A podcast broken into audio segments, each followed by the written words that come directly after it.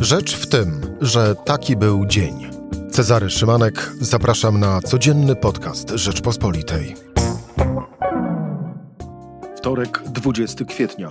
Alarmujące napięcie, czyli tysiące rosyjskich żołnierzy przy granicy z Ukrainą, USA nałożyły sankcje na Rosję, Polska wydala rosyjskich dyplomatów, Czesi oskarżają Rosję o wybuch w składzie amunicji w 2014 roku, a Aleksiej Nawalny na granicy życia i śmierci. To doniesienia z ostatnich kilku dni, które, jak wspomniałem na początku, dziś Angela Merkel opisuje jako właśnie alarmujące napięcie. Moim gościem będzie dziś e, za chwilę Jerzy Kaszczyński, szef działu zagranicznego w Rzeczpospolitej. Rzecz w tym, że zapraszam Cezary Szymanek. Słuchaj na stronie podcasty.rp.pl. Włącz Rzecz w tym w serwisie streamingowym. Moim gościem Jerzy Haszczyński, szef działu zagranicznego Rzeczpospolita. Jerzy, dzień dobry. Dzień dobry, bardzo miło. Jerzy, e, pierwsze pytanie, i które y, aczkolwiek nie będzie kończyło zapewne naszej rozmowy, a y, będzie wojna? Znaczy trzecia wojna światowa nie. Niewielka, lokalna wojna, może nawet mocniejsza niż wcześniej, może być. Chociaż myślę, że to jest gra. I, i świadomość tego, że ona może być, pomoże Putinowi uzyskać różnorodne koncesje, pokazać ważną pozycję i e, po prostu jest to metoda na pokazanie, że przyszedł nowy przywódca w Stanach Zjednoczonych, a my tutaj w Kremlu cały czas trzymamy rękę na pulsie i jesteśmy wśród najważniejszych, wśród kształtujących politykę światową i trzymamy w szachu tych małych Europejczyków skłóconych to spróbujmy na bazie tych wydarzeń z ostatnich właściwie dwóch, trzech tygodni przeanalizować miejsce, w którym, e, w którym jesteśmy. I zacznijmy od, od owych tysięcy, e, około 150 dokładnie tysięcy rosyjskich żołnierzy przy granicy z Ukrainą. E, no, to jest właściwie taka podstawa do tego, aby zadawać owe pytanie, czy będzie wojna. Po co to Putin robi, Twoim zdaniem?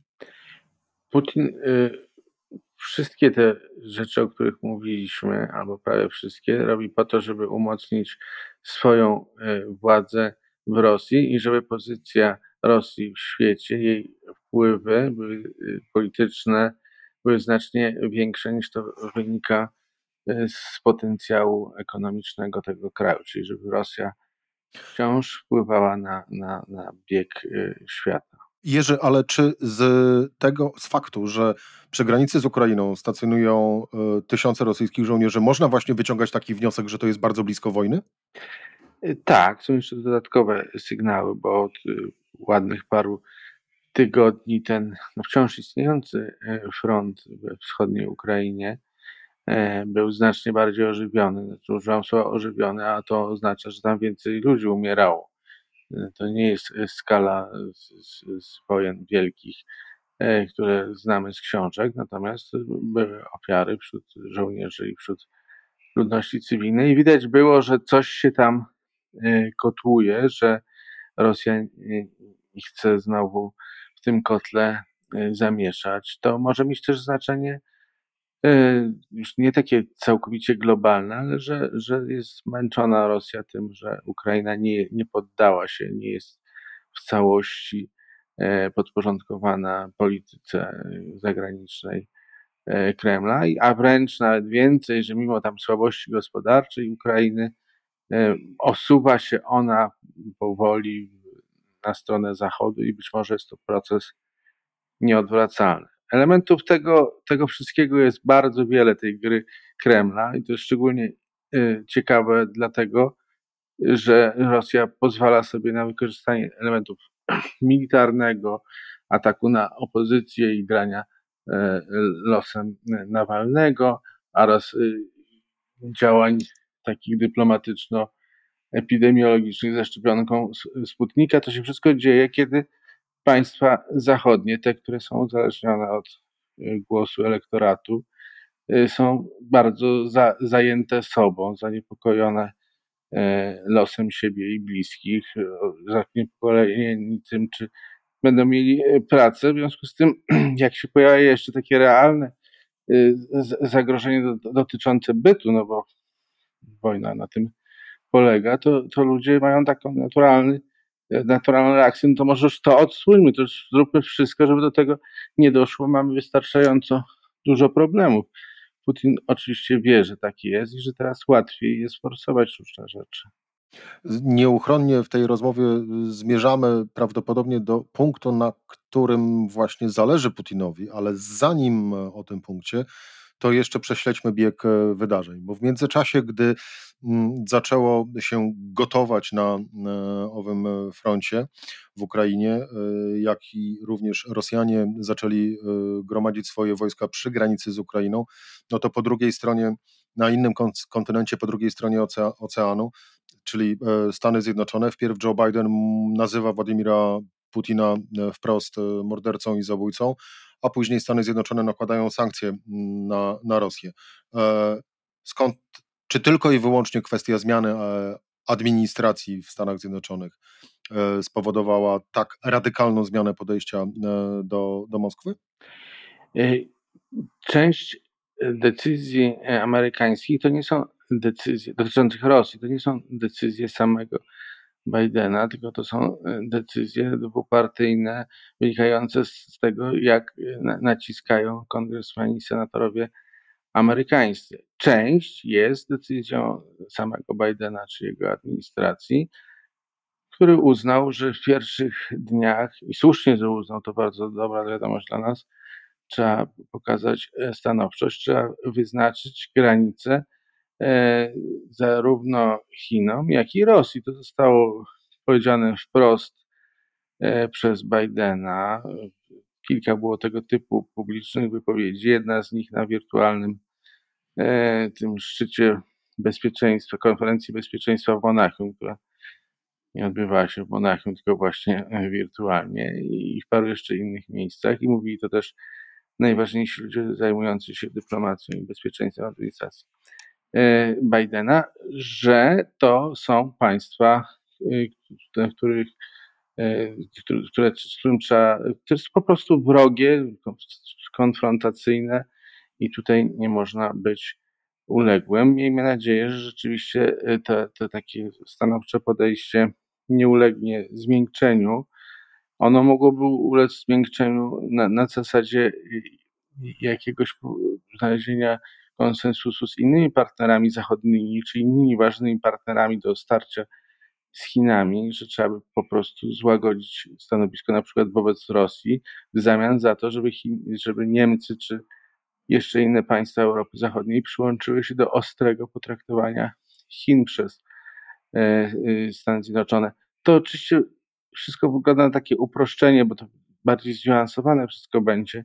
Wiadomo, że Niemcy nie zrezygnują całkowicie z z takiego handlowego otwarcia na, na, na Chiny. Zbyt ważny jest to dla nich e, rynek, więc też e, Stany Zjednoczone nie będą musiały na to odpowiadać jednoznacznym, jednoznacznym złagodzeniem podejścia do Rosji. Tu jest wiele różnych możliwości, wiele różnych tonów, natomiast przez nie upłynęło jeszcze trzy miesiące od momentu, kiedy e, Joe Biden przejął urząd prezydenta i na razie nie, mogę wskazać momentu, że, żeby on ustąpił dawał sygnały, że może ustąpić, ale na razie jest bardzo stanowczy i mam nadzieję, że tak będzie dalej.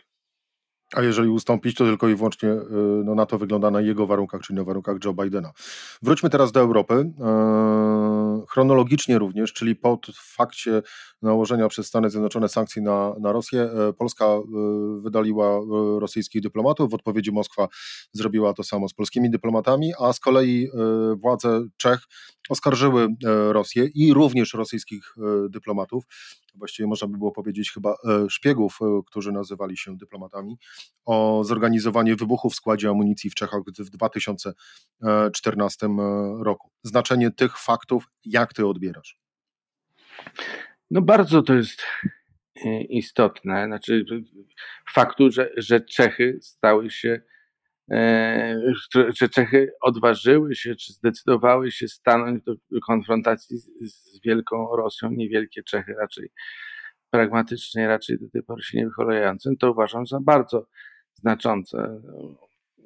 Troszeczkę ironizując, używam określenia e, rusorealizm w odróżnieniu od rusofobii, którą zarzuca często politycy zachodnioeuropejscy Polakom czy Litwinom czy Estończykom. E, uważam, że powinien się wszyscy kierować rusorealizmem, ale rusorealizm polega na tym, że powinien polegać na tym, że nie powinno się mieć żadnych złudzeń, że, że, że Kreml e, zmieni politykę, że przestanie być antyzachodni, bo w tym widzi swój interes. Rozbijanie Zachodu jest jego interesem. Jest to widoczne od kilkunastu lat w postaci przyjmowanych dokumentów, w postaci wypowiedzi e, Putina, a przede wszystkim w postaci e, działań wojennych, atakowania innych krajów i gwałcenia porozumień, które się wcześniej e, podpisywało. I, i Czesi, którzy, Czechy, państwo Czechy, w którym część polityków była prorosyjska zdecydowanie, tak jak prezydent Zemana. Część była zdecydowanie świadoma zagrożenia, ale nie, nie stali na pierwszym, na pierwszej linii frontu. Teraz wszyscy stanęli i na razie są, mają poparcie głównie tutaj mniej istotnych państw z regionu, ale ponoszą tego konsekwencje. Będą przeżywali to, co Polska przeżywa od bardzo, bardzo wielu lat, kiedy propaganda rosyjska przedstawia Polaków, czy czasami jeszcze kogoś innego Litwinów, jako wielkich wichrzycieli, którzy przeszkadzają w tych znakomitych perspektywach y, stosunków między Kremlem a Zachodem, czego symbolem jest budowany Nord Stream 2. A propos Nord Stream 2, w ostatnich dniach to e, Donald Tusk e, stwierdził e, na, za pośrednictwem jednego z portali społecznościowych, że jeżeli świat chce bardzo mocno dokuczyć Rosji, a właściwie użył sformułowania powstrzymać Rosję, to należy powstrzymać budowę Nord Stream 2. Zbyt proste chyba rozwiązanie. Czy też właśnie realne? Znaczy, wygląda na to, że na razie ono nie, nie jest realne, bo Niemcy, czyli państwo, do którego, po którego stronie on się kończy ten rurociąg, które z tego głównie korzysta, czy może korzystać, e, nie jest zainteresowany, mimo, co jest bardzo istotne, mimo oporu opinii publicznej, przynajmniej tego, co zazwyczaj rozumieliśmy przez opinię publiczną, czyli główne media, które są bardzo krytyczne. Może nie wszyscy zauważają w Polsce, czy wiedzą, że znaczna część komentatorów niemieckich używa wobec Nord Stream 2 takiego samego języka, jak używają polscy komentatorzy, w tym wypadku prawie powszechnie. Czyli, że to jest wielkie zagrożenie dla solidarności e, unijnej, że to jest, y, że to jest szansa na finansowanie e, imperialnej polityki Rosji, że sprzedają gaz po to, żeby podbijać Ukrainę czy mącić w innych krajach, łącznie z krajami zachodnimi, w których e, próbują wpływać na wyniki wyborów, inspirować jakieś zamieszki, wystąpienia antyrządowe. Czekać, aż to wszystko się na tym naszym zachodzie rozleci.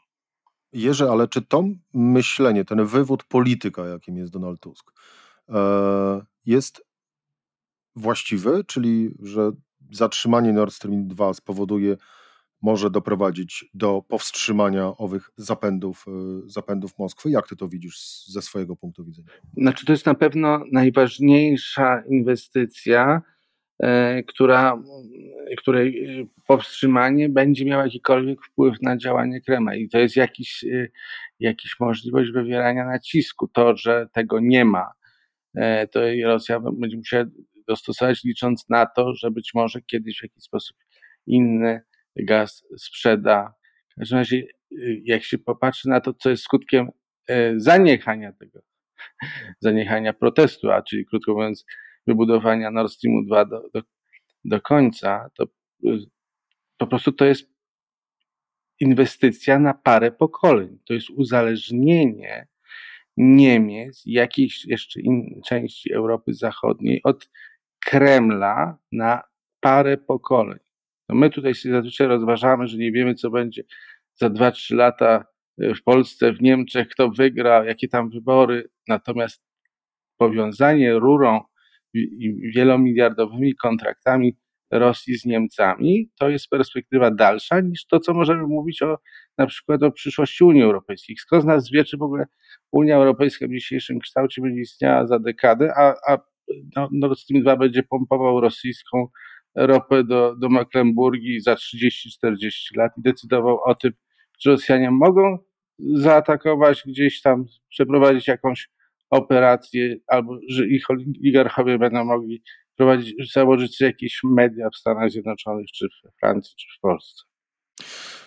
W cieniu tej wielkiej geopolitycznej gry jest e, ludzki dramat e, i życie Aleksieja Nawalnego. Równie dramatyczne pyta, py, pytanie, czy Nawalny ma szansę przeżyć do końca swojego wyroku? Chyba tak trzeba stawiać sprawę już w tej chwili. Tak, no, to tak. Oczywiście często e, mówimy o, o tym, że ktoś gdzieś może umrzeć, gdzieś jacyś ludzie mogą zginąć w wyniku konfliktu, który wywoła Rosja czy ktoś inny, ale zazwyczaj nie kojarzymy tego z żadną twarzą, z żadnym nazwiskiem. Tu mówimy o konkretnej osobie, która na dodatek stała się symbolem i, i ja mam powiedzieć, czy on przeżyje, czy nie. No, już raz miał nie żyć i wiadomo, kto to chciał zrobić. To nie jest żadną tajemnicą, wiedzą to e, zachodni eksperci, zachodni politycy, bo badania Nawalnego zostały przeprowadzone przez najlepsze instytuty e, w Niemczech, Szwecji i Francji. I wiadomo, że taka decyzja o tym, że ma zginąć najważniejszy opozycjonista, łatwo przychodzi Kremlowi rosyjskim służbom. Nikt z nas nie ma co do tego żadnych złudzeń. Natomiast życie Nawalnego w tej chwili jest e, znakomitym argumentem dla Putina, dlatego że e, może mówić, no żyje ten Nawalny, to co ode mnie chcecie? Zrobiłem coś e, dla was, to wspaniały gest, w związku z tym Zachód będzie zachwycony, czy może być zachwycony, to jest moja obawa, czy ironia, że tak może być, że wystarczy, żeby podtrzymywać przy życiu Nawalnego i w związku z tym się nie będzie zauważało żadnych innych e, zbrodni, czy żadnych innych nadużyć, żadnych innych złych pomysłów, czynów Kremla, e, no bo po prostu powinien być nagrodzony za to, że nie zabił po raz drugi Nawalnego. No właśnie, i zmierzamy nieuchronnie do e, końcowego być, być może, końcowego jeżeli chodzi o naszą rozmowę, ale nie jeżeli chodzi o y, losy całej tej, no chyba już powoli kryzysu. E, jest hipoteza, że Władimir Putin we wszystkich tych aspektach doprowadza rzeczywistość do krawędzi, e, za którą jest już tylko i wyłącznie upadek, czy to wojna, czy śmierć, czy, czy, czy duży inny konflikt, tylko i wyłącznie po to, żeby zmusić Zachód do przyjęcia go z powrotem na salony, żeby zmusić Bidena do spotkania, żeby zmusić wszystkich innych e, przywódców do uznania go za e, prawowitego lidera i partnera do rozmów. Taka hipoteza, Twoim zdaniem, e, jest uprawniona? Tak, zresztą sam ją, sam ją stawiam. Ona oczywiście y, ma jeszcze drugi element, który teraz dodam, bo zazwyczaj jego nie podaję, ale moim zdaniem tak jest, że, że, to umocnienie pozycji czy powrót na salony jest połączony e, z takim sygnałem do społeczeństwa. No jest ten fantastyczny silny. Rosja znowu jest wielka, jak w najlepszych e, czasach. W związku z tym kochajcie mnie, nie sprawdzajcie, czy sobie wybudowałem jakiś pałac, w którym są e, uchwyty na papier toaletowy z czystego złota za, za, za, za 1000 euro bo ja jestem fantastycznym człowiekiem i tylko z takim człowiekiem jak ja możecie utrzymywać ten status. Cieszcie się i nie myślcie, że sam nie macie przez rok tyle pieniędzy, ile ja ma, wydałem na, na tę właśnie gałkę jakąś tam w pałacu.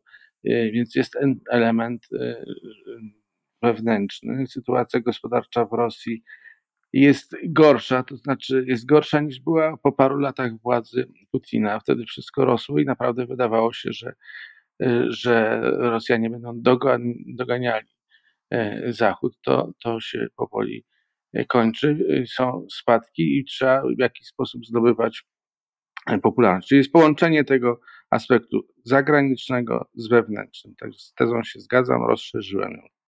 To jeszcze jedno dopytanie i, i już będziemy Jerzy kończyć. E, Putin zdecyduje się na rozlew krwi, aby właśnie wrócić na owe salony? E, znaczy, nieraz pokazał, że, że rozlew krwi nie jest dla niego hamulcem.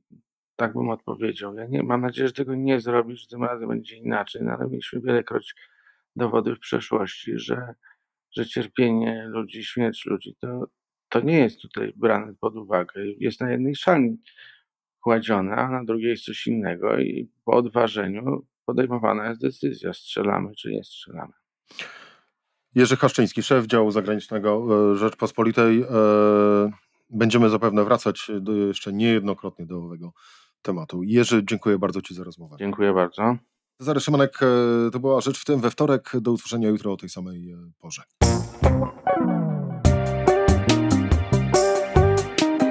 Rzecz w tym to codzienny program Rzeczpospolitej. Od poniedziałku do czwartku o godzinie 17. Słuchaj na stronie podcasty.rp.pl. Włącz Rzecz w tym w serwisie streamingowym.